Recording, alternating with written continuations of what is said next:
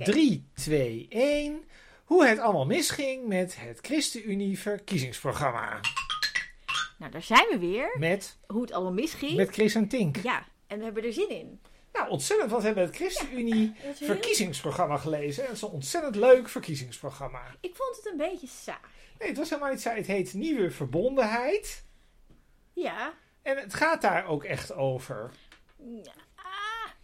Ja. Ja, voor een deel. Ja. Nou, kijk, weet je wat het grappige is? Kijk, dit is eigenlijk zo'n partij. Ze zijn natuurlijk eigenlijk heel klein. En ze worden alleen maar kleiner. Als het zo ernaar uitziet. Ze staan op drie zetels in de peilingen. Soms in vier. Ze hebben nu vijf. Dus een beetje een dalende trend. En het aantal christenen neemt natuurlijk ook af in Nederland. Dus dat zou je samen kunnen. Het heeft meer met het kabinet te maken. Maar de trend Ik is denk natuurlijk... ook, maar dat is nu een soort van eerste gevoel op basis van wat ik nu heb gelezen. En ik herinner me vaag het vorige verkiezingsprogramma dat ik ook heb gelezen Oh. toen. Ehm, heb jij het niet gelezen? Nee, dat heb ik niet gelezen. Ja, ik Nee. wel. Maar dat is alweer zoveel jaar geleden, dus dat weet ik niet meer precies natuurlijk. Maar wel nog wat dingen. Ik heb de indruk dat Ja. de ChristenUnie steeds meer alleen voor christelijke gezinnen is.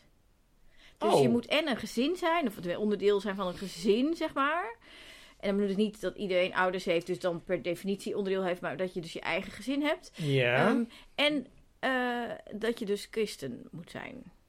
En ik heb de maar de definitie van christen is opgerekt. Hè? Dat is ook interessant. Ja, nou... Ja, katholieken horen er tegenwoordig ook bij. Bij de ChristenUnie. Nou, in mijn optiek was het sowieso... Nee, dat is in- niet zo. Als je het hebt over christenen... ja, Nee, maar de vraag is altijd wat een christen is. Maar volgens mij was Christen- vroeger was dat zonder en nu is het met. oh, nou ja, toen Dat is ik- ook echt zo. ja, misschien toen ik op de basisschool zat... Ik zat ik op een christelijke basisschool.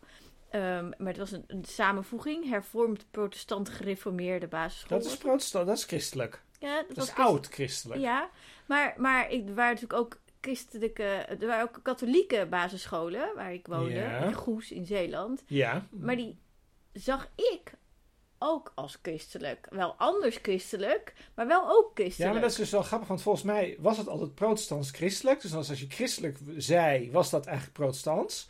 En volgens mij is christelijk nu gewoon alles wat geen atheïstisch, moslim, joods, hindoeïstisch is, zeg maar. Hmm. Alles wat een beetje Ja, maar- westerse godsdienst. Maar een katholiek gelooft in dezelfde God en heeft dezelfde Bijbel als een protestant.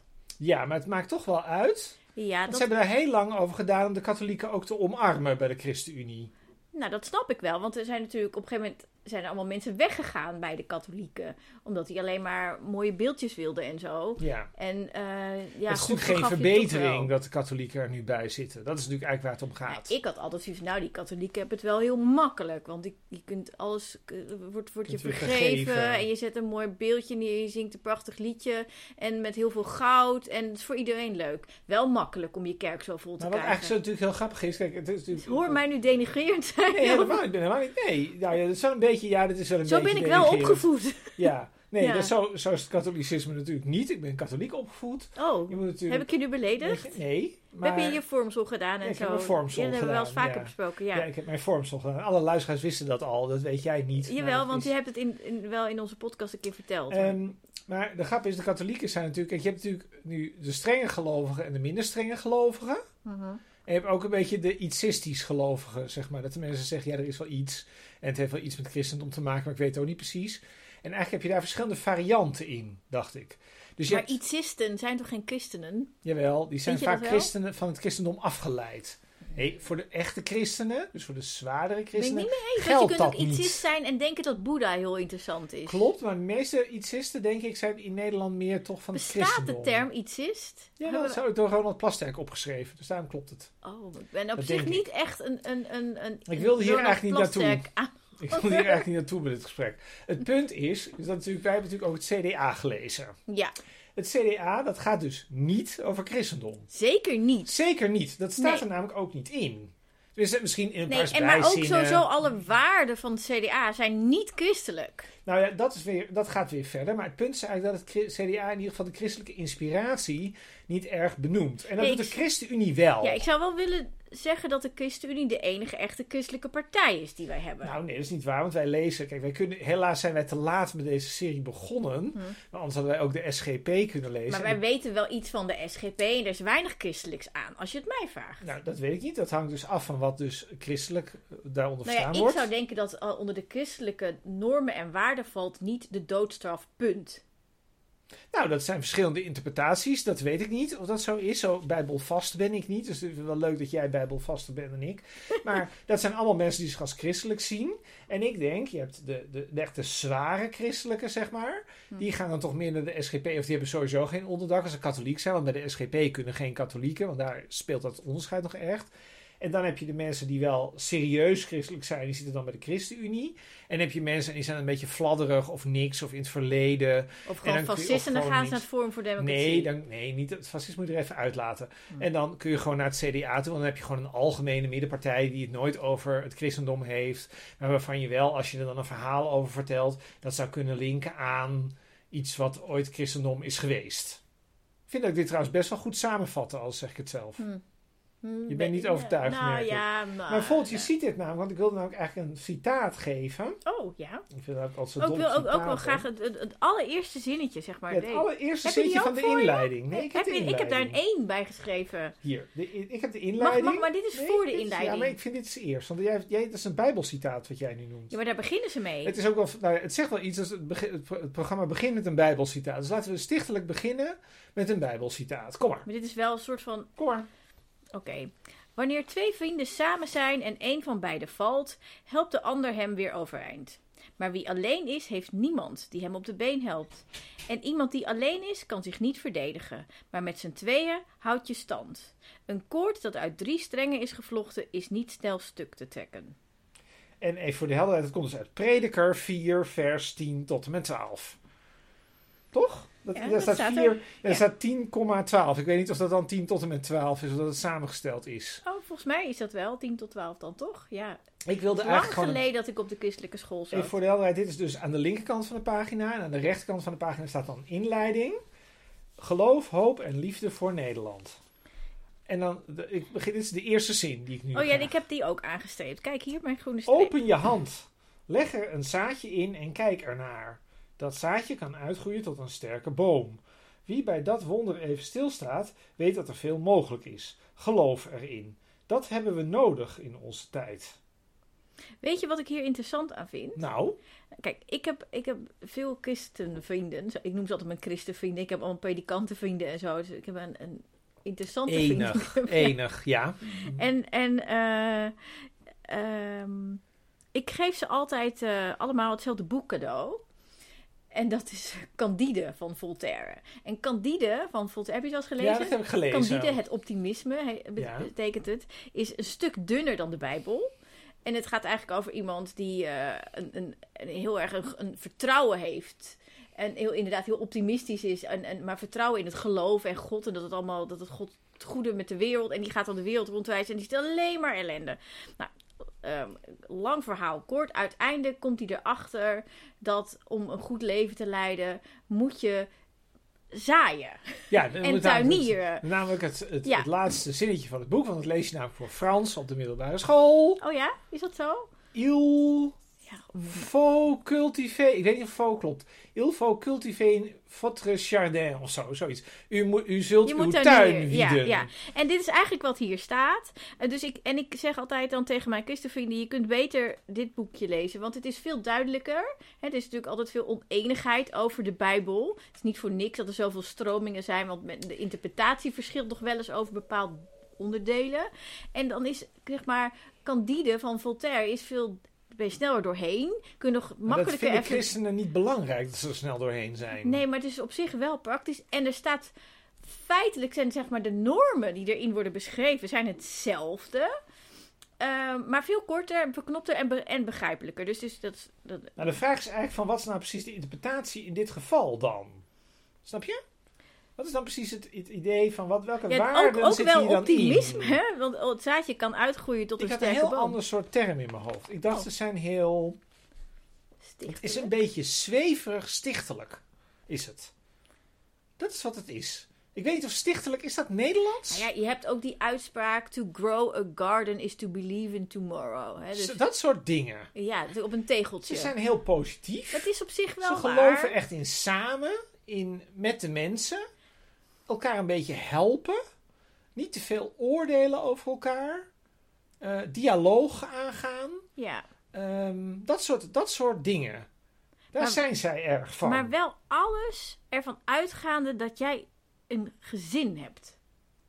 Er staat maar één ding in wat ik heb kunnen vinden. Dat gaat over mensen die geen gezin hebben. Oh, wat stond daarover in? Nou, Het leuke is dat Tinkerbell dus elke week dit geprint heeft. Maar een, digitale versie is echt handiger als je iets opzoekt, zou ik denken. Maar eh, ja. ja, dat klopt. Ik geloof wel, ik heb, ik heb zelf op het Ja, woord het is- homo gezocht. Het is eh, bij de- wonen. De is ChristenUnie is tegen homo, eh, anti-homo spreekkoren bij voetbalwedstrijden. Dat vond ik dan wel weer goed. Dat, dat heel vertrouwen in elkaar. Heel goed, heel goed. Goed met elkaar omgaan. Gewoon aardig, een beetje aardig tegen elkaar zijn. Dat is eigenlijk, weet je, de wereld mooi achterlaten. Dat ik, heb, ik heb het gevonden. On, Oh, on- dus ik heb het gevonden. daar komt ie. Bouwsparen voor starters. Nou, dat is eigenlijk niet Om se... starters kansen te bieden, maken we bouwspaar fiscaal zo gunstig mogelijk. Ook wordt het makkelijker gemaakt om een woning te delen als goede vrienden, zonder een registratie als fiscale partners nodig te hebben. Dat was het. Dit is voor de singles van Nederland die overwegen ChristenUnie Ja. te stemmen. Het gaat natuurlijk heel erg uit van een bepaald wereldbeeld. Ja, maar wat natuurlijk, kijk, ik ben best wel voor een heel Ja. groot deel best wel een soort van fan van de ChristenUnie. Oh, nou. En ik ben ook lang lid geweest van de ChristenUnie. Ik heb veel samengewerkt met de ChristenUnie. Ik ben bij congressen geweest van de ChristenUnie. Ik ken veel mensen van de, gewoon alle ChristenUnie. Maar ik voel mij niet Ja. vertegenwoordigd. Ik, of, of ik, ik heb Voelt niet... niet vertegenwoordigd door Of, de of, vertegenwoordigd. Ik heb niet het gevoel dat de ChristenUnie er voor mij is. Ik heb het gevoel dat ik de ChristenUnie oftewel kan helpen in wat zij willen, omdat ik dat namelijk ook wil. Maar ze zijn er niet voor mij. Want ik heb namelijk geen gezin. Oh, En ik wil dat ook niet. maar ehm, ze zijn een beetje eens. Ze hebben een beetje eenzijdig wereldbeeld, denk ik.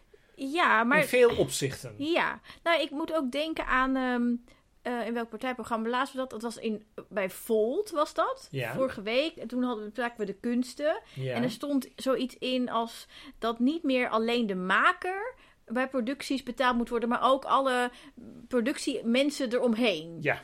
En toen was ik heel kwaad, Ja. omdat de praktijk namelijk is dat het andersom is. Dat iedereen rondom een productie wordt betaald en de maker, de, kunstenaar, Ja. doorgaans niet of heel weinig. Ja. En ehm, in dit programma staat iets vergelijkbaars. En dan gaat het over de kinderbijslag, zeg maar. En, en ineens moet dan moet, en, over het gezin. En, dat dat, dat, en alle ehm, eh, belastingvoordelen voor het gezin. Dat nu het gezin aan de beurt moet zijn. En dan denk ik maar.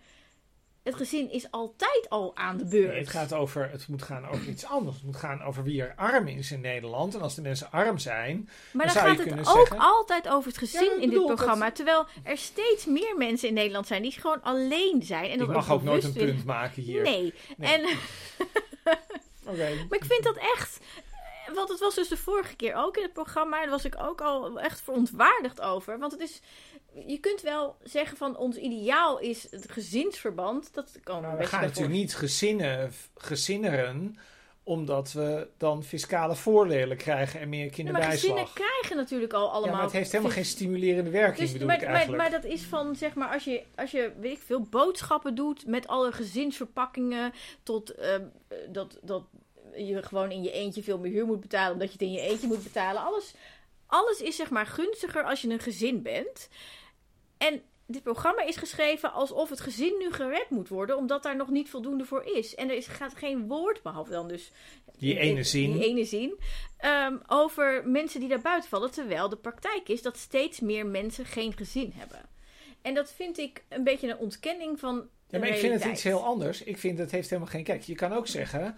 eh, bijvoorbeeld, we maken roken heel duur. want We willen niet dat de mensen roken. Dus dan maken we het duur. En dan kunnen de mensen die dan te weinig geld hebben om te roken... kunnen dan denken... Oh, wacht, het is handig om te stoppen met roken. Snap je? Mhm. Zo, dat is een systeem. Je kunt er niet Ja. mee eens zijn, maar zo werkt het wel. Ja, Maar zo werkt het met gezinnen natuurlijk niet. Dus dan zijn, worden wij financieel, wij alle twee, wij singles, worden nu achtergesteld door de ChristenUnie. En wij krijgen helemaal, dus nu moeten wij eigenlijk gaan hokken, Ja. omdat wij dan een belastingvoordeel krijgen. ja. Maar dat gaan wij niet Wij doen. willen niet hokken. Wij willen helemaal niet hokken. nee, jij dan- bent namelijk heel schoon en ik maak er een bende klopt, van. Het is best wel een verschil. Ja, dat willen we niet. Nee, dat willen we Nee. niet. Om heel veel redenen willen we dat niet. Dus het heeft helemaal geen. Dus je kunt wel de gezinnen iets geven. Maar het is niet zo dat, andere, dat mensen zich nu meer gezinnen gaan stichten. omdat dat aan de gezinnen wordt gegeven. Nou ja, nog even los Zelfs van de dat er- hetero's hebben hier last van. Want het is ook zo dat als je gewoon een hetero bent. Ja, en je denkt, ik, zoek een. Ja, zoals jij. En dan heb je. Nou, bijvoorbeeld, jij, jij wil eigenlijk heel graag een gezin. Ik wil hem En wat jij dat je wil heel graag een gezin. Ja. En je hebt dit programma gelezen. En denk je, oh, wat fijn. Dat is eigenlijk heel dat leuk. dan moet ik die sterilisatie moet ik ongedaan maken. Nee, nee, nee, en dat ik ben in de overgang. Het is wel een beetje onhandig. Maar Stop, goed, maar je wil toch timing. ontzettend graag een Ja, gezin. IVF Daar ben ik ook te Daar hebben ze het trouwens ook niet over. Dus dat geeft helemaal niet over sterilisatie. Als gesteriliseerde vrouw kun je ook een gezin hebben. Dus stel dat jij er nu door dit programma helemaal diep van overtuigd bent. Daar ben je te oud voor. Dat, stel dat je nou ervan overtuigd bent dat je echt een gezin wil zijn. Dan ja, dan moet er natuurlijk nu wel iemand zijn die dat met jou wil stichten. Ja, Als je dat, die oh, niet dat kan is ook al vinden- niet. Nee. Nee, dus dan, dus dan heeft het toch geen stimulus. Dus zelfs als jij overtuigd bent geraakt door dit programma dat je een gezin wil maken, Ja, dan komt het er misschien wel helemaal niet. Dus daarom is het een Nee. hele rare redeneertrand ja. van de ChristenUnie. ja. Zo. Het is dus niet voor iedereen. Maar goed, zij zijn dus. Ik ga nu proberen op een ander thema over te gaan. We moeten ook nog hebben over vluchtelingen, dames en heren. En Wij hebben namelijk kunst. zo weinig over vluchtelingen in deze podcast. dat we gewoon. We dachten het is leuk om een keer met u over vluchtelingen te hebben. Ehm, er staan ontzettend veel christelijke thema's in dit, in dit programma. Nou, alles wordt christelijk gemaakt. Nou, je hebt bijvoorbeeld mantelzorg. Dat is... Dat is niet christelijk volgens mij. Nou, maar volgens, volgens mij, daar, daar pakken ze wel een christelijk sti- stickertje op, toch? Nou, volgens mij Nee, volgens mij Nee? niet. Zij vinden mantelzorg heel nuttig. En daarom willen zij bijvoorbeeld. Dus dat is mantelzorg is dat je bijvoorbeeld voor, wat is het, voor je broer, voor je, voor je Ja. kind of voor je ouders zorgt dat die niet in en naar een tehuis hoeven en dat je ze een beetje ondersteunt. Dat je het huis schoonmaakt, dat je de boodschappen doet of dat je ze misschien wel onder de douche zet of weet ik veel, allemaal van dat soort dingen. Ja, Toch niet zware medische handelingen, maar wel heel veel werk voor die mensen. Dat is natuurlijk Ja. heel zwaar. ja. Maar dat is natuurlijk vanuit, als je er even koud maatschappelijk naar gaat kijken, zou je natuurlijk kunnen zeggen dat is heel goedkoop voor de maatschappij, want het kost niks. In termen van geld, niet in Ja, termen ik van moeite. Ik In termen van moeite is het wel zo. ik was aan, het luisteren en dan denk ik Dus- dat ik van, ja, En dat vindt de ChristenUnie heel goed, want het is zorg voor elkaar. ja, daar ben ik het ook mee eens. Daar zijn we het mee eens. Ja, ik ben het mee eens. Maar eigenlijk, het probleem van de ChristenUnie is natuurlijk dat eigenlijk een hele hoop mensen helemaal geen zin hebben om mantelzorger te zijn. Of denken dat is te zwaar. En dat het niet wordt gewaardeerd. Dus de En dat ChristenUnie zegt dat er moet gewaardeerd worden, er moet tijd voor En komen. de ironie is dat wij dat daar op zich mee eens zijn. Niet op zich, dat ik ben er heel erg mee Op zich eens. zijn we het daarmee eens. Ja, Maar het probleem is natuurlijk een beetje dat de ChristenUnie er eigenlijk niks aan kan doen. Of niet zo vreselijk veel aan kan doen. nee, maar de ChristenUnie zegt niet dat dit niet gebeurt, dat het nu moet gaan gebeuren. Want de ChristenUnie erkent ook dat dit het al heel veel gebeurt. Maar moet meer waardering krijgen. Nee, maar dat het, ja, maar Ja. dat- dus hoe je dat dan ervoor zorgt, dat die mensen die mantelzorger zijn, dat blijven, of dat wat meer mensen dat kunnen zijn, dat ze niet er overspannen van raken, da- Ja. daar gaat dat dan Ja. over. Nou, en over Maar- waardering. En nu is dat natuurlijk En daar niet kan zo. de ChristenUnie eigenlijk, dat vind ik met veel van die christelijke thema's, daar kunnen ze niet zoveel mee, heb ik het idee. Dus zij willen dan een mantelzorgakkoord. Maar dan denk ik, ja. En dan zeggen ze bijvoorbeeld, hè, de echte, het meest concreet is dat er dan mantelzorgverlof moet komen. Ja, Dus zij willen, eh, ik citeer, er komt een langduriger betaald mantelzorgverlof. Mantelzorgers kunnen twee maanden mantelzorgverlof gespreid opnemen.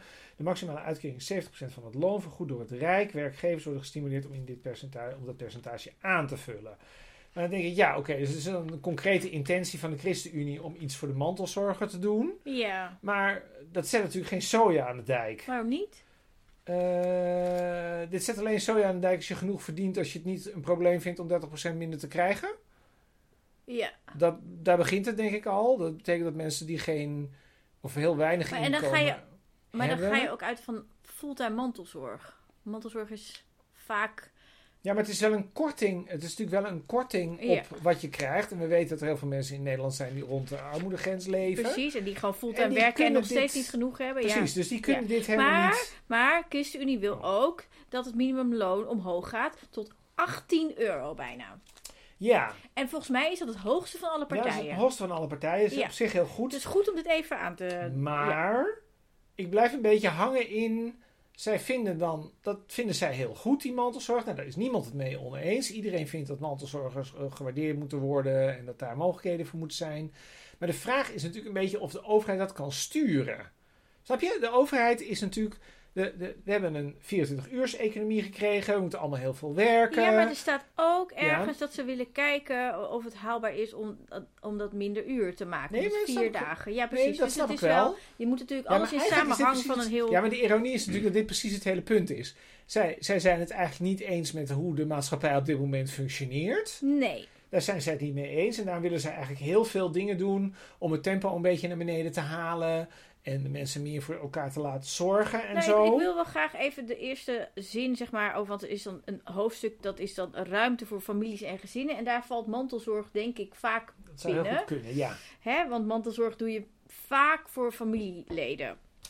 Ja. Ehm, en dan staat er, als je mensen vraagt wat hun leven betekenis geeft, dat het echt de moeite waard maakt, wat geluk geeft, dan zijn het de relaties met hun naasten. Een familie is de eerste basis waar gezorgd wordt voor jong en oud. De betekenis ervan kan niet worden overschat. Gezinnen moeten echter niet voortdurend onder druk staan doordat zorg om inkomen en werk alle aandacht opslokt. Kinderopvoeden en jongeren begeleiden naar volwassenheid vraagt veel aandacht, liefde en zorg. Opgroeien in een breed steunende omgeving waarin ook buurt en school goed meewerken, geeft kinderen een stevige basis voor het leven. Maar dit gaat over kinderen, maar, dit hele hoofdstuk verder gaat natuurlijk weer Maar- meer over zorg. ik ben in de protestmodus nu. Oké, je kijkt ook inderdaad is- bozig nu. Het punt is Ja. natuurlijk, dit zou de PvdA ook kunnen schrijven. Hmm. Alleen dan niet, dan zeggen ze niet steeds gezin. Snap je? Dan Dat zeggen klopt, ze, er staat hier de bijvoorbeeld mensen moeten voldoende verdienen, zegt Frans Timmermans dan.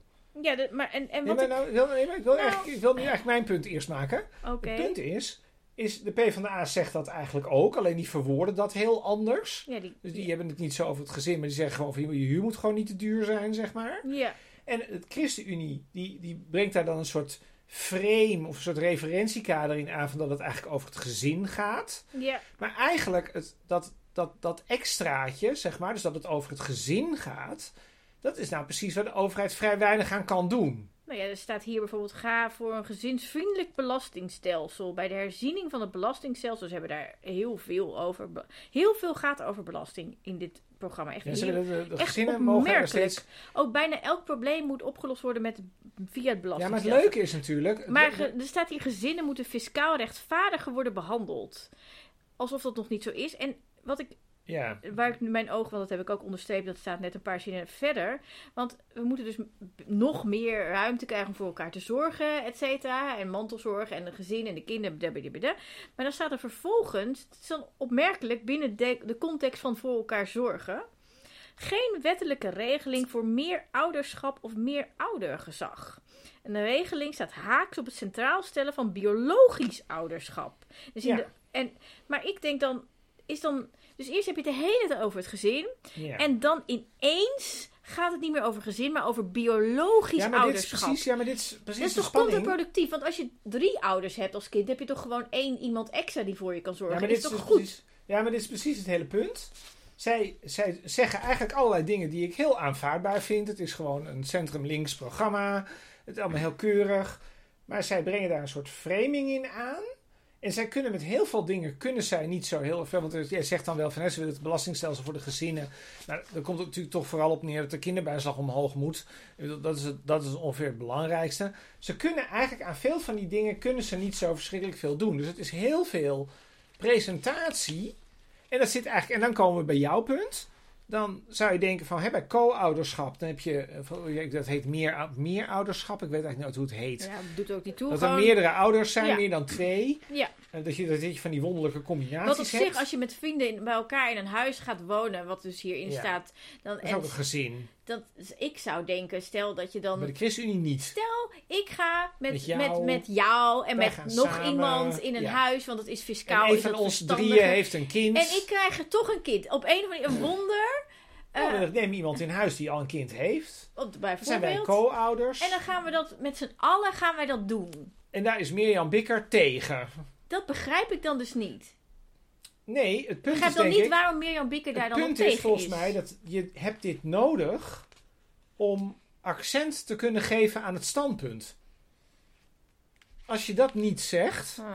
dan is het niet, dan is het alleen, dan denkt iedereen die dat leest, ja, maar dat krijgen we bij het CDA ook. Want het CDA schrijft letterlijk in zijn programma, wij zijn voor alle gezinnen, hè, we zijn voor de traditionele gezinnen en voor de regenbooggezinnen. Ja. Het CDA, die doen dit, ik weet niet of ze hier zo voor zijn, maar ik bedoel, die, doen, die zijn hier veel liberaler in. Ja. En dat geldt eigenlijk voor heel veel van die dingen. De, de ChristenUnie wil allerlei dingen Ja. die eigenlijk van vroeger komen, Ja. die een beetje uit de tijd zijn geraakt, die nu modernere varianten hebben. En de ChristenUnie die zegt dan, ja, maar dat willen we eigenlijk niet. Terwijl je heel goed zou kunnen beargumenteren dat je dat ook wel zou kunnen willen. Bijvoorbeeld, wat zij, zou- mag een bloemlezing doen? Dat is misschien leuk. eh, Ja, doe maar, ja. Nou, zij willen dus bijvoorbeeld dat de kerken als bondgenoot worden gezien Oh ja, ja, ja. voor allerlei maatschappelijke taken. Ja, Dan denk ik, oké, nou dan kunnen we natuurlijk discussiëren met elkaar over de neutrale overheid en zo. Maar wat zo interessant is, is dat zij dan het hebben over kerken. Maar dan denk ik, ja, maar wat zijn nou dominante godsdiensten tegenwoordig in Nederland? Tegenwoordig islam ook. ja, maar het is maar een heel kleine groep. Nou, er zijn veel moskeeën in het land. Ja, Dus, maar het is nog steeds, zeg maar, in procent is het een kleine ja, maar er zijn ook actieve christenen, is ook Ja, kleine dat is ook waar, ja. er zijn veel christenen van Maar het is waar je zou beter kunnen zeggen gebedshuizen, Ja, maar bijvoorbeeld. de vraag is dus eigenlijk... Geloofsgemeenschappen. Vindt de ChristenUnie dan ook dat de moskee moet worden erkend als een maatschappelijke partner bij de maatschappelijke uitdagingen? En dan komt er eigenlijk niks. Dan Nee, staat het er Terwijl niet. de moskee, dat weten we, dat, Die doen die, allerlei die heeft een enorme grote maatschappelijke Nou, functie. Ja. Dan heb je Net zoals de kerken en de diaconieën, et cetera. heb je de ja. zondag. Ze, hè, natuurlijk, Zondagrust. dan, het enige wat zij eigenlijk nog kunnen zeggen is dan dat de onregelmatigheidstoeslag moet worden behouden als je in een winkel werkt op zondag. Dat is Ja. ongeveer het enige wat ze dan nog hebben. Zij willen bij abortus, dan, dan voeteren zij over dat mensen de verkeerde motieven hebben voor een abortus. Maar ja, dan is natuurlijk toch een beetje de vraag van, ja, wat wil je dan? En ze zeggen dan, ja, het is geen mensenrecht. Ja, dat zal wel, maar dan, het leidt er vooral toe als jij zegt van, ja, bepaalde motieven vinden we voor abortus niet goed. Dan, ja, je krijgt alleen maar heel veel leugens over wat de motieven zijn om een abortus te krijgen. Dus ze kunnen daar eigenlijk ook niet zo ontzettend veel mee doen. Ja, want bij een abortus moet het zeg maar voor een arts invoelbaar zijn dat het een noodtoestand Ja, is. en als jij als vrouw daar komt en, maar- je denkt dit is niet invoelbaar, dan bedenk je iets anders. Maar als ik geen klik heb met mijn huisarts of weet ik veel, en, en ik heb, ik heb een, een, een reden, een motivatie om een kind eh, eh, weg te willen laten halen, dan is dat aan mij en niet aan een arts om te zeggen, nou, ik vind het invoelbaar dat dit een noodzakelijkheid is. Nou, en zo heb je er meer. Hè. Zo heb je bijvoorbeeld, er moet een registratieplicht komen voor prostituees. Je mag pas op je 24ste in de prostitutie gaan werken. Er moet een ingezetene criterium komen. Ehm, het is ook heel interessant. Dat volgens mij betekent dat, ik wist het niet helemaal zeker, maar volgens mij betekent dat dat je dus alleen als Nederlander naar een prostituee mag. Dus niet als toerist, zeg maar. Als ik heel benieuwd hoe dat dan moet met de handhaving op de wallen. Ehm, Mag ik een paspoort zien? Mag ik uw paspoort zien? Ehm, dan heb je bijvoorbeeld bij de medische technologie. En dan zeggen zij van je moet bij de, bij de, bij de NIPT-test. Ik, weet, ik ja, zeg ja, niet precies wanneer dat is, maar het is na een paar weken. Kun je kennelijk vruchtwaterpunctie. Is dit een vruchtwaterpunctie? Ik weet niet of dat hetzelfde is. Nee, dat is niet Nee, is niet- hetzelfde. Maar dan kun je in ieder geval bijvoorbeeld, dat is het, het, het voorbeeld daarvan is natuurlijk dat die NIP-test kan laten zien of een kind het syndroom van Down heeft. Bijvoorbeeld. Er zijn een aantal dingen die En je dat kunt checken. Ja. wil de ChristenUnie niet. De ChristenUnie wil, en dat is op zich heel mooi, Dat er alleen een reden, dat er echt een reden voor moet Nee, zijn. zij willen dat ouders zelf bepalen waar ze op screenen. Dus dat er niet zo'n Ja. standaard screening bijvoorbeeld op syndroom van Down zou zijn. Maar ook hier weer, dat zijn allemaal dingen van ik denk, ja, het is een beetje vechten tegen de bierkaai, ze- zeg maar. Tegen dingen die mensen, want mensen krijgen dan een formulier voor hun neus en dan staat er, ja, hiervoor kunnen u allemaal getest worden, kan het kind allemaal getest worden. En ja, de meeste mensen die gaan waarschijnlijk dan allerlei dingen aankruisen die de ChristenUnie niet wil. Ja, dan staat de ChristenUnie toch weer met lege handen. Nou, dat vind ik op zich niet zo erg. Want als Ja, de ChristenUnie er zo over denkt, dan denken ze zo over. En dan mogen ze het van mij in het Ja, programma maar ik vind het ook niet zozeer, het is ook niet zozeer een verwijt. Het is meer de, op de, de, de observatie dat de ChristenUnie tegen dingen aan het... Ja, vechten is een beetje een groot woord, maar argumenteert tegen allerlei dingen. Waarvan ik denk, ja, ik snap wel dat zij dat vinden. Dat snap ik wel. En dat mag je ook vinden. Maar het is een beetje... ehm, ja, het is een beetje als van, van, van vroeger. En je weet eigenlijk al dat het, geen, dat het allemaal geen zin heeft. En wat ik het allermooiste, wat ik het mooiste voorbeeld aan vind, daar, daar hou ik erover op. Nee, ik, je ik, de- ik heb een aanvulling. De transgenderzorg. Die vond ik heel eh, interessant. oh ja, die was ook interessant. Heel interessant. Zij hebben namelijk, daar zie je namelijk het mooie, vind ik, van de ChristenUnie. De ChristenUnie schrijft op een hele respectvolle manier over transgenders. Ja. Volgens mij. Dat doen Ja. zij heel. Ja, Zij doen, proberen dat te gebruiken. Ik denk dat niet alle terminologie helemaal goed is, maar. ze doen wel hun best. Ze doen behoorlijk hun best om dat goed. Maar wat zij niet willen, is zij willen niet dat zelfidentificatie bepalend is voor Ja. gender. Ja. Dat Moet is dus. een, een, een, een expert moet dit Ja. dan Dus vaststellen. dat, ze zijn tegen die transgenderwet waarin staat: als jij zegt ik wil mezelf als man re- laten registreren omdat ik daarover na heb gedacht, en dan moet dat kunnen. Gewoon, dan moet eerst iemand naar kijken of jij wel echt, of dat wel serieus is, zeg maar. ja, ja. Ehm, maar toen dacht ik opeens. Dit klinkt natuurlijk heel onaardig naar transgenders toe, zo bedoel ik het niet.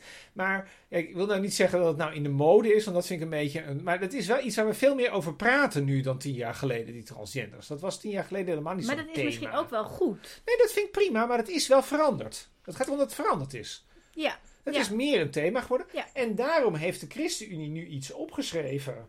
En heeft daar een mening over. maar Dus dat gaat die- er eigenlijk indirect, dus het, het staat Ja, er niet, maar ja. het- ik lees het als dat ze ervan uitgaan dat mensen dat even bedenken in een soort opwelling van nou, het, alsof ik wakker Ja, word s ochtends en denk, nou, eigenlijk voel ik me een man. Dit is eigenlijk de consequentie van wat er staat. De consequentie is, als je dat goed leest, eigenlijk denkt de ChristenUnie Dat het een opwelling is. dat het een opwelling zou kunnen zijn. En dus hebben we iemand anders. Het is dus heel interessant hoe dat dan werkt. Dan ga je dus naar de deskundige toe.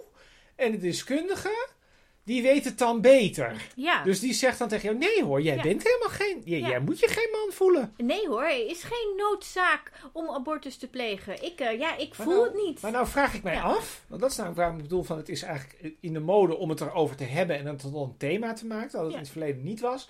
Van waar komt dat standpunt nou vandaan?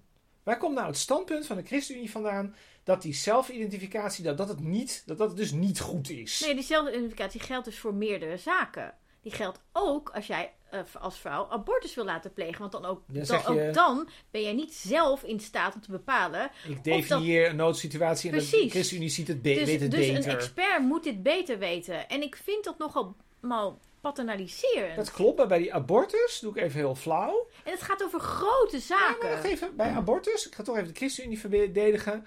Je, je kan natuurlijk zeggen, een kind in een buik van een vrouw, dat is leven. Waar, waar je het leven, hoe je het leven ook wil definiëren, maar dat is een soort vorm van leven.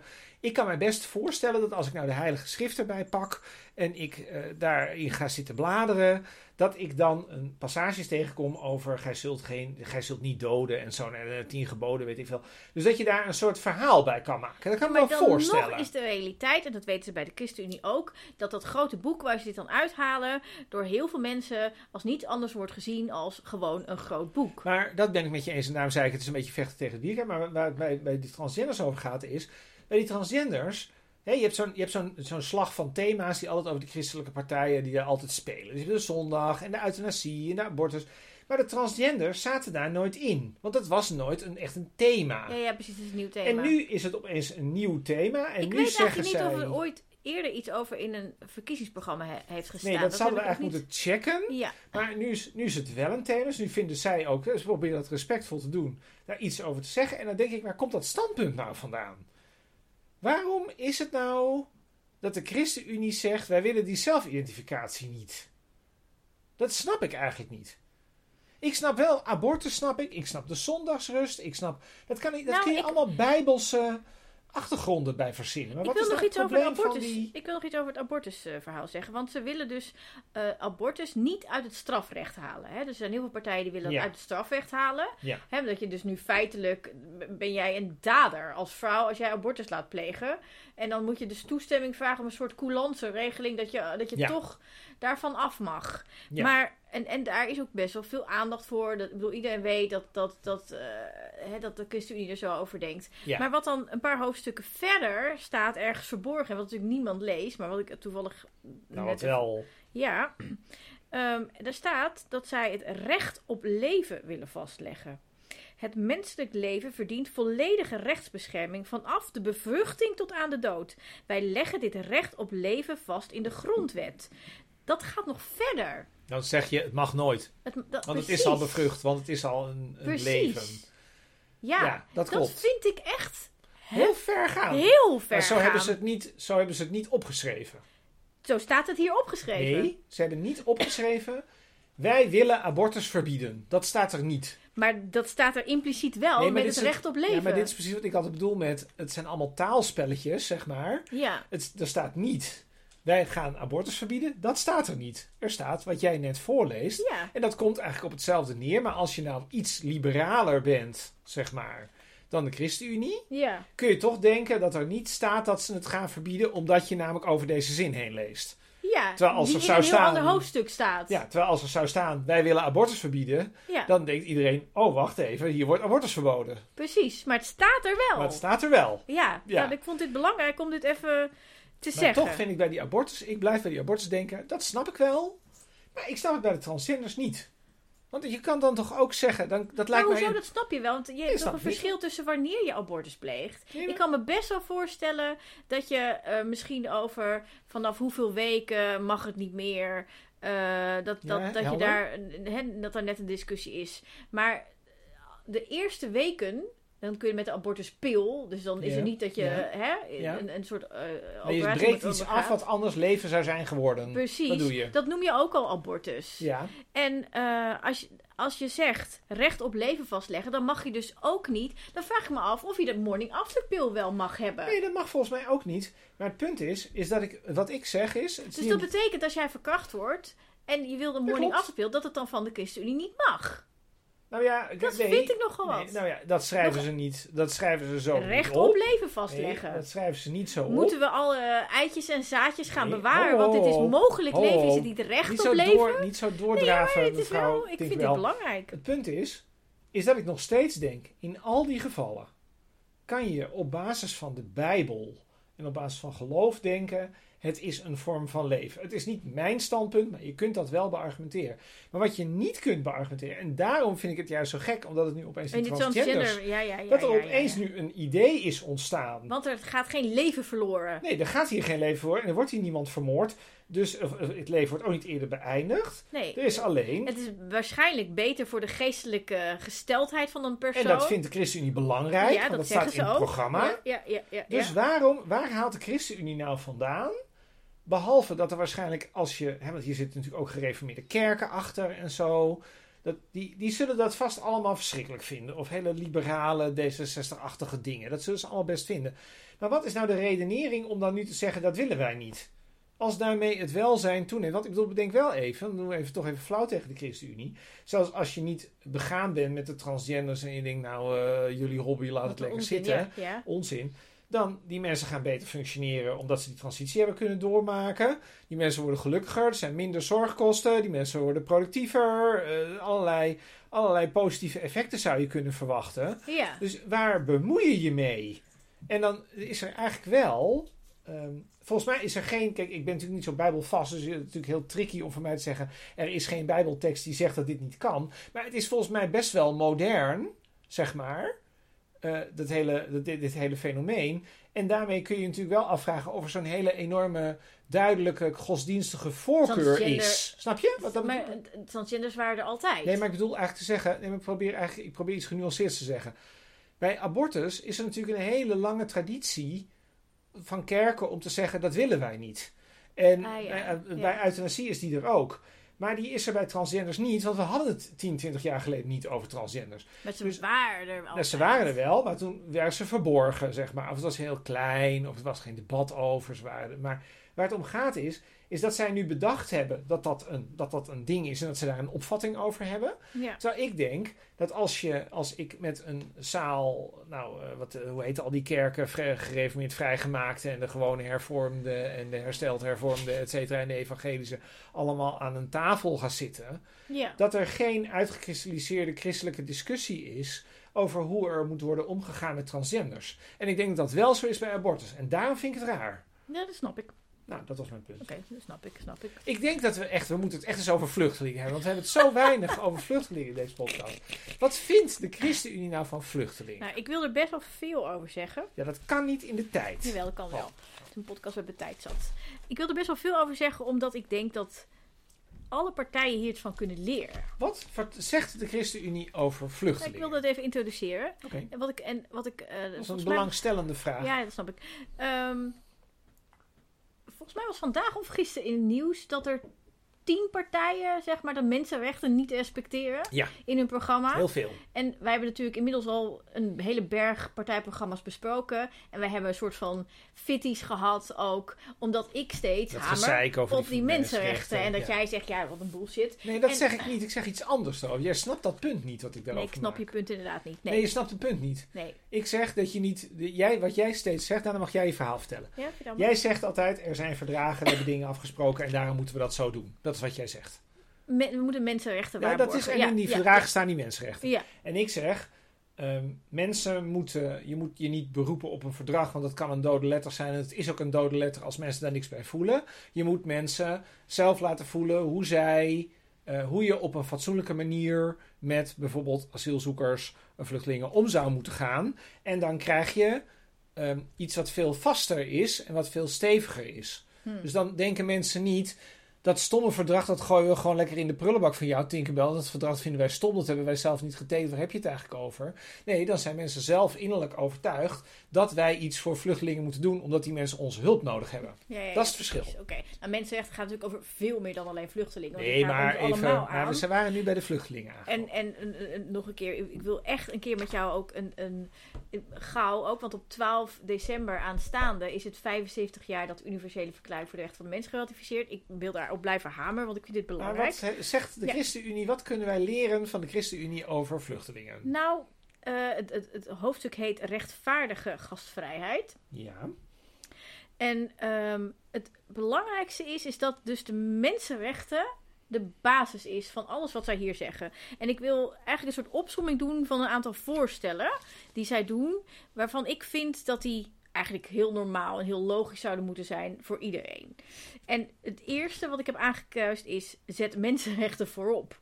Ehm, dat het, ehm, en ik, ik ga niet alles voorlezen, want het is veel te veel. Dus ik ga een soort van kopjes voorlezen. En dan wil ik eigenlijk misschien ook wel andere partijen aansporen. Die, hè, misschien wel mensen die andere politieke partijen zitten. Dat ondersteunen die dit horen. Van ga dit nou even nalezen. Dit hoofdstuk. En doe er je voordeel mee. Want deze mensen in deze partij van de ChristenUnie, die snappen het.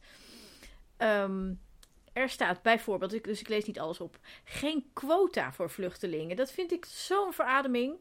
Er staat, we willen geen quota voor asielmigratie. Onze deur mag niet dichtvallen voor vluchtelingen die in levensgevaar zijn en zich bij ons melden. Punt. Zo is het. En dat is, dat is, dat is ook vastgelegd. Dat is, daar is eigenlijk zou je daar helemaal geen discussie over mogen voeren. En dat doen we de hele tijd wel. Ehm, werk toe naar veilige aanmeldmogelijkheden. Om een einde te maken aan gevaarlijke reizen over de Middellandse Zee, willen we dat in het nieuwe migratiebeleid niet uitmaakt of je een migratieverzoek doet binnen of buiten Europees grondgebied. Er komen veilige aanmeldmogelijkheden buiten Europees grondgebied. Zo breken we het verdienmodel van mensensmokkelaars. Ja, ik, ik, ik ben over de praktijk heel cynisch over, omdat dit eigenlijk heel logisch lijkt, maar bijna niemand het ermee eens is dat dit moet is dat echt gebeuren. helemaal niet waar, namelijk, wat je nu zegt. Dat laatste is niet waar. Nou, misschien eh, in theorie zijn mensen ermee eens van... oh ja, doe maar lekker die aanmeldcentra eh, hè, in, aan de buitengrenzen. Ja. Want dan kunnen we zoveel mogelijk mensen tegenhouden. Dan is dat het doel. En dat is niet het doel van de ChristenUnie. Volgens mij, volgens mij is het punt dat het Europees Parlement het eens is met wat hier staat. Het volgens mij wil het Europees Parlement, ik heb dit niet tot in detail ja, ja, ja. uitgezocht, Maar maar die doel- willen volgens mij dit systeem hebben. Dus dat je in principe buiten Europa aanvraagt Mhm. en dat je dan, als je een reden hebt, naar Europa kunt komen. Dus dan hou je het open voor mensen die dat nodig hebben en heb je geen ongewenste En vluchtelingen. dan is de angst dat er te veel mensen mogen komen. Nee, dat wordt door de lidstaten wordt dat tegengehouden. Dat de lidstaten willen dit niet. En wat is dan de reden? Ja, dat is, de, dat is precies, hier zit dus precies bij een kennis. Ja, er zijn gewoon, nou ja, er zijn, volgens mij, ik denk dat landen als Hongarije en Polen dit helemaal niet willen. Ik denk dat Nederland dit wel wil. Maar wat natuurlijk ook zo is, bij Europa speelt natuurlijk altijd, als je dit zegt, dan geef je die macht natuurlijk aan de EU. Dat speelt daar natuurlijk een enorme rol in. Ja, dan is het klopt. aan de EU geworden. Ja, En dat is het natuurlijk deels nu eigenlijk ook al. Maar Ja. dan wordt het nog erger. En dat speelt daar Ja. heel erg in. Ik, En dat ik- gaat dus eigenlijk niet over mensenrechten. Daar gaat die discussie niet over. Nee, ik zou denken dat dan eh, het gevolg is. Hè, want de meeste mensen bereiken Europa helemaal niet. Dat is echt maar Dat is eh, waar. 5% of zo. De meeste mensen blijven in de regio. Dus, dus, hè, dus wij hebben vaak een soort frame dat alle vluchtelingen hier naartoe komen. Dat is helemaal niet waar. Er komen er maar een paar. Maar op het moment dat je het makkelijker maakt om aan de buitengrenzen asiel aan te vragen, ehm, ja, dan kan ik me voorstellen dat er ineens veel meer mensen recht blijken te hebben op asiel. En dan moet je daar ook eens mee doen. Zou ik denken. Ja, volgens mij is dat niet, het, volgens mij is dat niet de, de reden om het niet te doen. Nou ja, en dan heb je natuurlijk nog een ander iets. En ik weet eigenlijk niet of daar iets over hierin staat. Hè? er Dus- zijn natuurlijk ook mensen die vinden dat elke eh, vluchteling er één te veel is. Dus ik bedoel, hè, dat, dat, dat, zo kun je natuurlijk redeneren. Ga verder. Ehm, geen illegale pushbacks. Dat staat Dat in een aantal andere goed. programma's, maar niet overal. Frontex wordt hervormd en er komt stevig Europees toezicht op grensbewaking. Lidstaten die migranten die asiel aanvragen zonder procedure terugsturen, worden beboet. Dat zou ik logisch noemen. Ehm, Zeg nog, dat is logisch, want we hebben daar dingen met elkaar over afgesproken. En als je je niet aan Europese regels houdt, dan zit daar een financiële sanctie op. het gebeurt. Het Nee, het gebeurt maar ik ben het met je eens. Maar eigenlijk is dit, dit is bijna hoe het op papier staat, hoe het zou moeten zijn. Zo werkt het in de praktijk niet. Nee, in de praktijk worden niet, wordt niet Frontex eh, eh, eh, daarvoor bestraft, maar worden mensen die mensen redden bestraft. Ja. Dat is de praktijk. Ehm, maak afspraken over terugkeer. Ja, dat klinkt natuurlijk allemaal. Dat wil Dat natuurlijk is met alle iedereen. Respect. Ja. Is, eh, dit is de- denk ik de alleringewikkeldste. Maar daar staat er, er komen bijvoorbeeld mogelijkheden voor tijdelijke arbeidsvergunningen. Zoals in Frankrijk al het geval is. En dat lijkt me nou wel heel goed. Want heel veel mensen die geen vluchteling zijn, die toch hier komen, maar omdat ze hopen dat ze hier toch iets beter. Op het moment dat je mensen tijdelijk hier laat werken, we hebben ook heel veel mensen nodig, dus dat is helemaal niet zo gek. Dan kunnen mensen wat geld sparen en terug. ja, maar volgens mij, staat, volgens mij gaan we daar naartoe.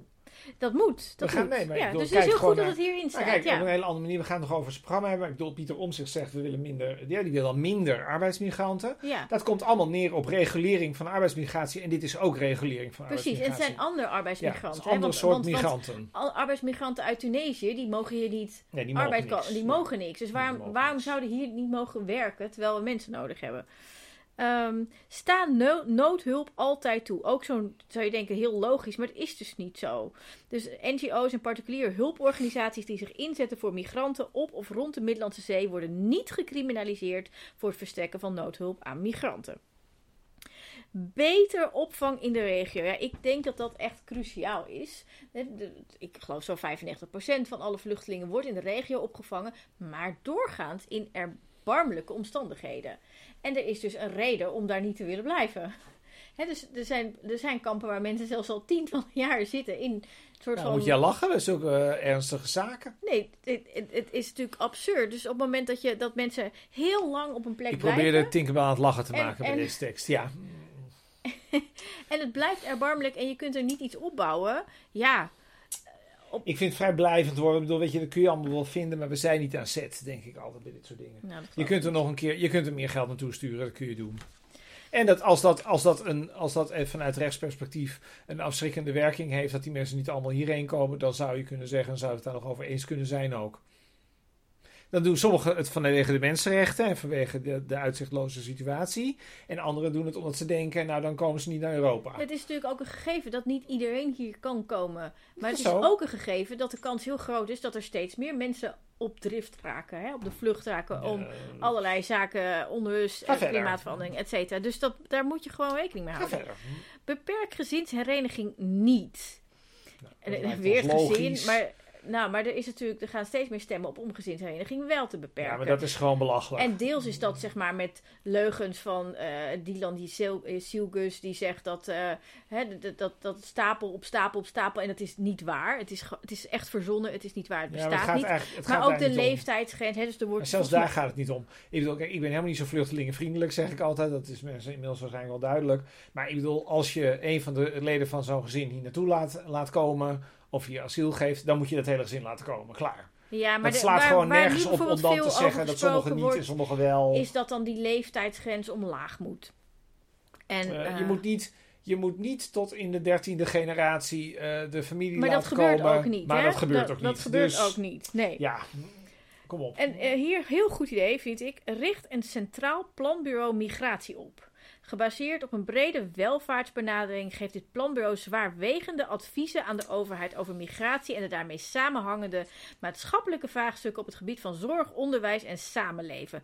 Ook kan dit planbureau landeninformatie beter beoordelen en hierover adviezen geven aan de IND. Dit nieuwe college kan eventueel samengaan met de adviesraad migratie. Ik ben hier heel erg voor.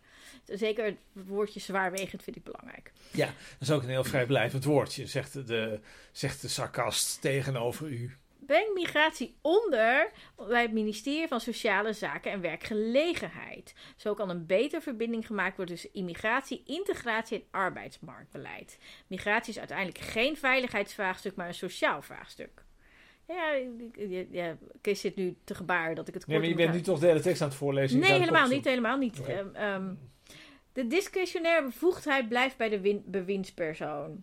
Nou, dat moet, nou, de bewindspersoon moet uitzonderingen kunnen maken. Ja, precies, dat kan nu niet. Dat, dat is dus met het kinderpardon is dat afgeschaft. En dat was echt een grote fout. Dat was een heel stom... Uh, ja. Dus het, ja... Um, behouden rechtsbijstand. Ja, dat klinkt heel stom, maar dat is dus af. Dat, dat is dus heel erg ingeperkt. Het, rechts op bijstand, rechts, het recht op rechtsbijstand voor asielzoekers wordt niet beperkt en blijft in stand. Um, en ik moet nu denken aan iets wat in een ander hoofdstuk staat, maar wat hier wel ook um, bedekking op heeft. En dat is dat de overheid niet meer standaard in juridische procedures in hoger beroep gaat. Want er wordt vaak gesproken bij uh, asielzoekers dat zij doorprocederen. Ja, het maar is de overheid die dat doet. Het is de overheid. Dus als je hier asiel aanvraagt en de IND zegt ja, je krijgt asiel, je bent inderdaad een vluchteling, je mag blijven, dan gaat de Nederlandse overheid in beroep en moet stoppen. Um, even kijken. Meer expertise nodig voor bekeerlingen en LHBTI'ers. Nou, bekeerlingen, dat, nou misschien wel. Uh, maar ik, ik, zou zeggen dat vooral LHBTI'ers, dat daar inderdaad veel meer expertise. Mensen moeten moeten dan gaan bewijzen dat ze homo zijn. En dat is natuurlijk... Dat kun je niet bewijzen. En nee, en het is natuurlijk ook... Nou, dat kun je wel bewijzen, maar nou, nee, dat kun je niet Het is echt heel ingewikkeld. En dan tot slot... Nee, niet, nou, ja, zijn we de opvangcrisis, ja. denk ik. Ja, breng mensen onder op een vaste plek. Er worden nu de hele tijd over van het kastje naar de muur gestuurd. Nou, dat lijkt ons ook wel handig. Kleinschalig opvang, extra aanmeldcentrum tussenvoorzieningen voor. Oh, dit is een hele belangrijke, want gezien de wooncrisis, het is natuurlijk vaak dat mensen zeggen ja, de wooncrisis. Ze pikken de huizen in. Ja, ja nog even los van dat het niet waar is, maar er is wel. Ontken echt, jij dat? Ja, er is wel echt een, een woonprobleem, natuurlijk een huizenprobleem. En zij stellen voor tussenvoorzieningen voor statushouders. Gezien de landelijke woningnood en het tekort aan sociale huurwoningen worden er tussenvoorzieningen gecreëerd waar statushouders worden opgevangen in afwachting van een sociale huurwoning, terwijl zij wel kunnen starten met inburgering in de gemeente of regio waar ze kunnen verblijven. Nou, ik denk dat dat een, een, ja, een, noodbeekt wetten. Ik denk dat dat wel moet. Dus ik, ik vind dat... Je vindt het een goed programma ik, over asielzoekers? Ja, ik vind het een... een ja, ja, ja, ja, ja, ja. Oh, god. Ja, oh, um, er, komt uh, nog, er komt nu nog even een nabrander. Ja, over de kinderen. Want is, ik had het net al even over het kinderpardon. Wat, waar we toen heel blij over waren voor, voor informatie. Ik, ik heb zeg maar samen met Meerte Hilkens um, de, de, toen de strategie gedaan daarvoor. Om dat voor elkaar te krijgen. Um, maar uiteindelijk was het helemaal geen goede deal. Daar hebben we het nog wel een keer over. Um, zoek een oplossing voor in Nederland geboren en gewortelde ongedocumenteerden. Creëer perspectief voor werkende ongedocumenteerden. Doe recht aan oude ongedocumenteerden. En maak een structurele regeling voor gewortelde kinderen. En dus er zijn veel kinderen, ik weet niet hoeveel er nu zijn, maar wel echt zoveel honderd. Uh, kinderen die zijn in Nederland geboren of als heel klein kind hier gekomen. En die groeien hier op, gaan naar school. En moeten dan na zoveel jaren, meer dan vijf jaar heb je het dan over, dan noem je het geworteld. Moeten ze ineens toch naar een ander land. Terwijl ze alleen maar de Nederlandse cultuur kennen. Of, of zelfs hier zijn geboren. En dat moet echt niet mogen. Want dan zijn we nu aangekomen bij ons wekelijkse blokje. De kunsten. De kunsten. Nou, ik heb er natuurlijk ook even naar gekeken. We Wat vind toch, jij ervan? Zeker anderhalve pagina. Nee, nog niet eens. Nee, één um, pagina. Nou, ik vond het eigenlijk wel goed. Het was varende erfgoed moet worden behouden gelezen. Ja. En het kerkelijke erfgoed is ook belangrijk. En de bibliotheek wordt gratis. Nou, ik vond eigenlijk wel. Uh, nou, de streektalen worden ondersteund. Het is een goede samenvatting van uh, het idee van de, van de kist. Ja, dit is ongeveer alles ook wat erin staat. um, je hebt eigenlijk maar één ding overgeslagen. wat er, niet in, wat, wat er ook in staat, wat jij niet hebt genoemd. Oh, En dat is eh, eh, de Fair Practice Code als leidraad. oh. En voor de mensen die dit niet weten, eh, de Fair Practice Code is, is eh, een aantal jaar geleden is dat, soort, is het afgesproken. Ehm, heel vaak eh, in tentoonstellingen, in dans- en theaterproducties en weet ik het wat, krijgen de makers heel weinig betaald. Veel te weinig. Hè? Dus de, de, de grootste groep werkende Nederlanders zijn makers, zijn, zijn eh, kunstenaars in de breedste zin van het woord. Ehm, en, Oh. en dat zijn mensen die onder het sociaal minimum leven, terwijl ze wel fulltime werken. Dat en de, gro- de grootste groep is dus in deze sector. Nou, daar is onder andere de Fair Practice Code voor bedacht. En de Fair Ja. Practice Code is eigenlijk niks meer dan dat er een soort standaard beta betaling, een soort bedragen zijn afgesproken. Dat klopt. Nou, dat is toch goed maar, dan? Maar, Nou, maar, maar, Wij willen de maar- ChristenUnie prijzen met deze mooie paragraaf over kunst en cultuur. Maar de Fair Practice Code. eh, het, het is weliswaar zo dat de Fair Practice Code eh, in de basis een goed idee. eh, de vaste bedragen die daarin staan, die zijn nog steeds heel laag. Het is echt minimaal, maar goed, die staan erin. Het is inderdaad een minimaal.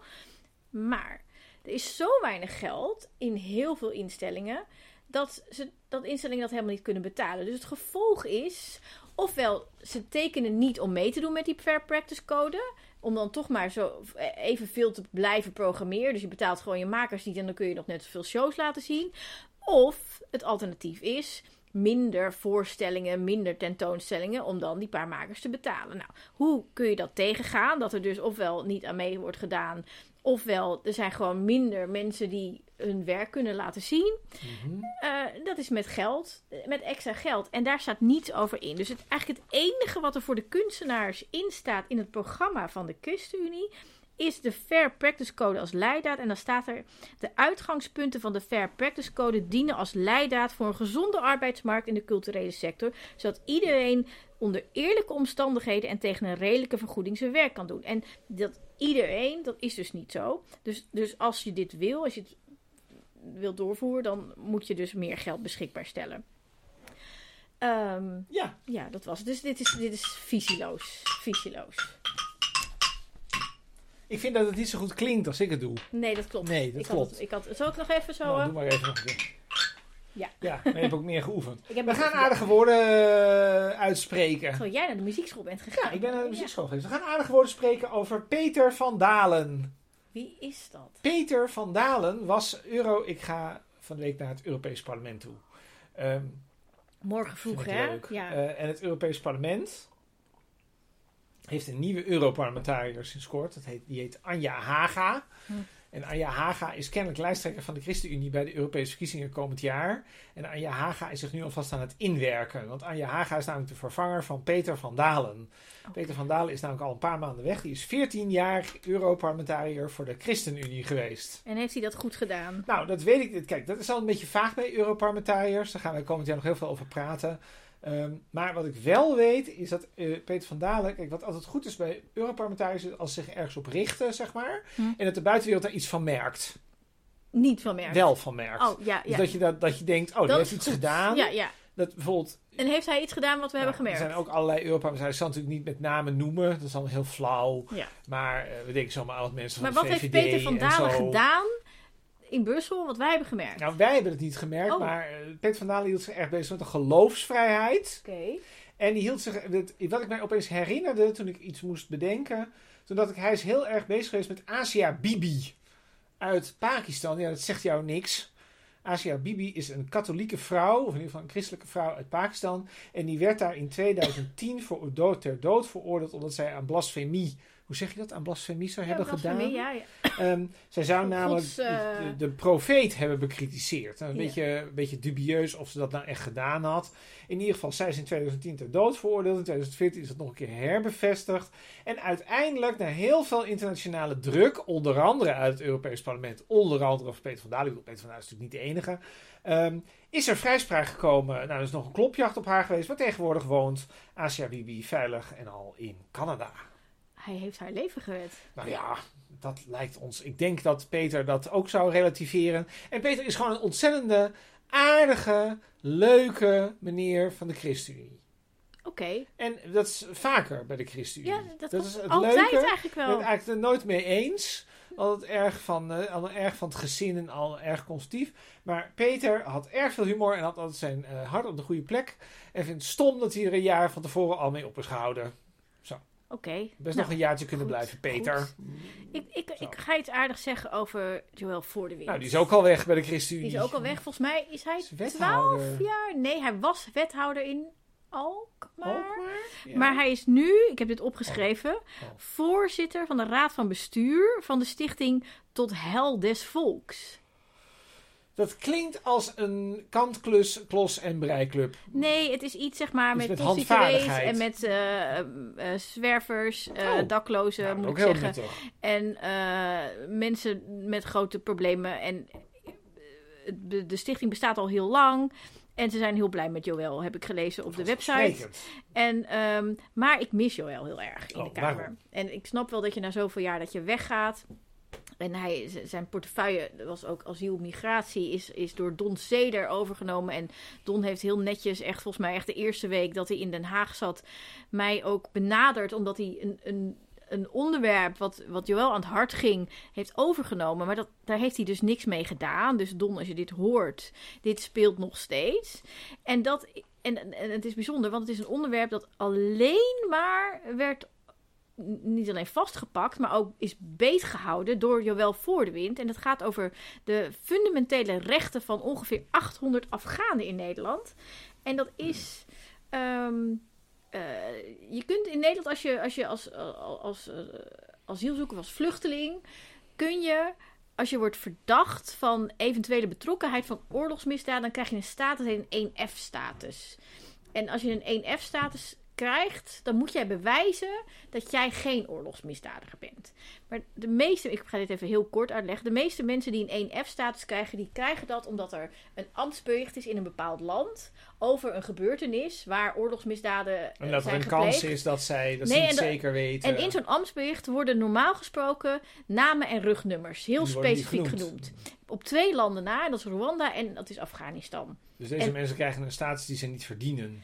Daar wordt geen onderzoek naar gedaan. Die worden gewoon op één grote hoop niet. gegooid. En dan worden al jouw rechten afgenomen. En daar zit, zat Joël voor de wind vroeger Als bovenop. enige. Ja, Als enige. als enige. Gaan En we het ook nog een keer over hebben. Ja, ik ben heel dol over- Joël. En Joël, ik mis, ik mis je echt heel, heel erg in de Tweede Kamer. Echt. Oké. Oh, en- en dan, Zo, en dan, dan, zijn we nog even. Dan we gaan niet we klaar, nog ja. niet klaar. Want voor onze donateurs gaan we nog even verder. Dan gaan we praten over de kandidatenlijst van de ChristenUnie. Ja, heel interessante lijst. Hele interessante mensen Heb allemaal. jij gezien wie er aan het einde van die lijst staat? Nee, dat heb ik niet. Zover ben ik niet gekomen. Oh, het maar het heel is interessant. heel interessant. Dus dan gaan we dus even dus een warm Dat gaan wij u niet vertellen, want u moet donateur Nee. worden om dat ons te De vertellen. laatste op de lijst, dat is Beatrice de Graaf. Daar vind Nou, ik dat is van. jouw grote vriendin. Ja, daar vind ik van. Ehm, ja. Dat kunt u allemaal luisteren als u donateur wordt via www.petjeaf.com slash hoe het allemaal misging. ja, dan kunt u ons steunen. Voor 5 euro per maand. En dan krijgt meer. u elke week een extra podcast die nog leuker is dan de gewone. Ja, u gelooft het niet, maar het is echt waar. En volgende week zijn wij er weer. Dan praten wij zeker nog een keer over een verkiezingsprogramma. En dat is die van NSC. Nieuw sociaal contract van Pieter Omzicht. Dag. Doei!